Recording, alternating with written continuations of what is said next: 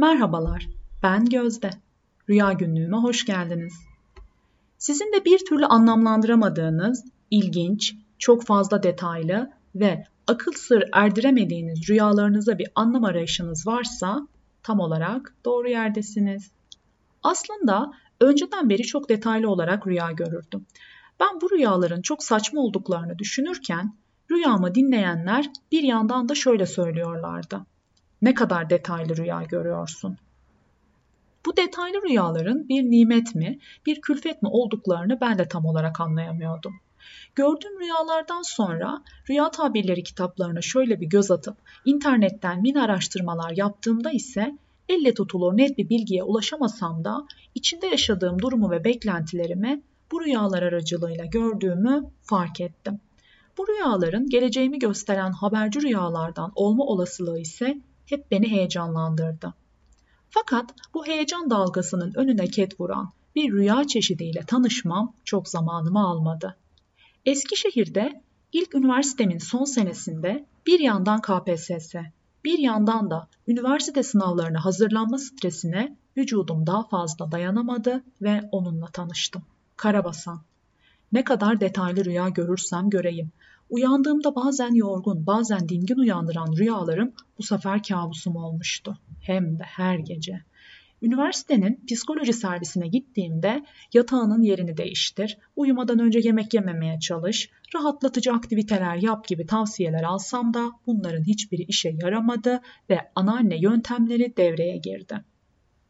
Önce Geceleri abdestimi alıyor, namazımı kılıyor, bildiğim birkaç kötü ruhları kaçıran dualarımı okuyor, bitki çayımı içiyor, boynumdaki gümüş kolyenin koruyuculuğuna sığınıyor ve sağ tarafımın üzerine yatıyordum.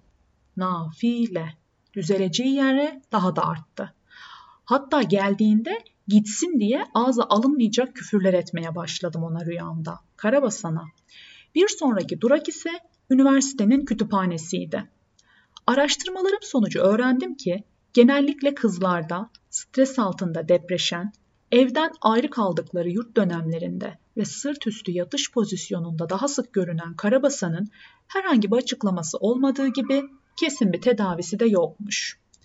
Elimdeki sabahlara kadar zihnimi yoran detaylı rüyaların yanında nur topu gibi bir de karabasanım olmuştu.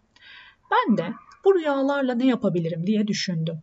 Kitaplaştırarak hikaye ya da roman yazmak aklıma gelen ilk seçeneklerdi. Tam da birkaç taslak hazırlamaya başlamışken içinizden tanıyanların olduğunu da tahmin ettiğim Deniz Bülgeroğlu'nun podcastlerinin birinde Otostopçunun Galaksi Rehberi adlı kitabın ismini duydum. Daha önce öğrenciyken kitapçıda çalışırken de sık sık önünden geçtiğim ama kalınlığından dolayı bir türlü göze alıp da başlayamadığım kitabı nihayet şeytanın bacağını kırıp Amazon'dan gayet uygun bir fiyata satın aldım. Ve daha kitabın ön sözünü okurken kafamda bir ampul yandı. Yazar da aynı benim gibi zihninin içindeki düşüncelerle ne yapacağını bilememiş ve en sonunda Radyo 4 için kısa içerikler üretmeye başlamış. Bu kısa ve eğlenceli içerikler tutmuş ve sonunda da bir derlemeyle bir kitap haline dönüşmüştü. Ben de yapabilirim dedim. Kitap yazamıyor olabilirim ama podcast bunun için biçilmiş kaftan. Yazar bu yüzyılda yaşasaydı aynısını yapardı dedim ve burada sizlerleyim. Biraz uzun bir tanıtım oldu fakat güzel oldu diye düşünüyorum. Podcast'lerle sizlere geçmiş rüyalarımı değil, bundan sonra göreceğim rüyalarımı anlatacağım. Umarım bundan sonra göreceğim rüyalar benim olduğu gibi sizin de dikkatinizi çeker ve hep beraber hem benim rüyalarıma anlam ararız hem de gerçeklikten biraz kopup rüya alemine kısa eğlenceli seyahatler yaparız. Birinci bölümde iki gün önce gecenin bir yarısı ışınlandığım Afrika seyahatimi anlatacağım sizlere. Son olarak her bölümün bir şarkısı olacak. Ama şimdilik telif ve benzeri nedenlerle Haruki Murakami'nin hep kitaplarında yaptığı gibi şarkının adını buraya yazmakla yetineceğim. Sizler de biten podcast'ten sonra dinler ve rüyama kısa bir yolculuk yaparsınız belki. Rüyalarda buluşmak dileğiyle diyorum. Sevgiyle kalın.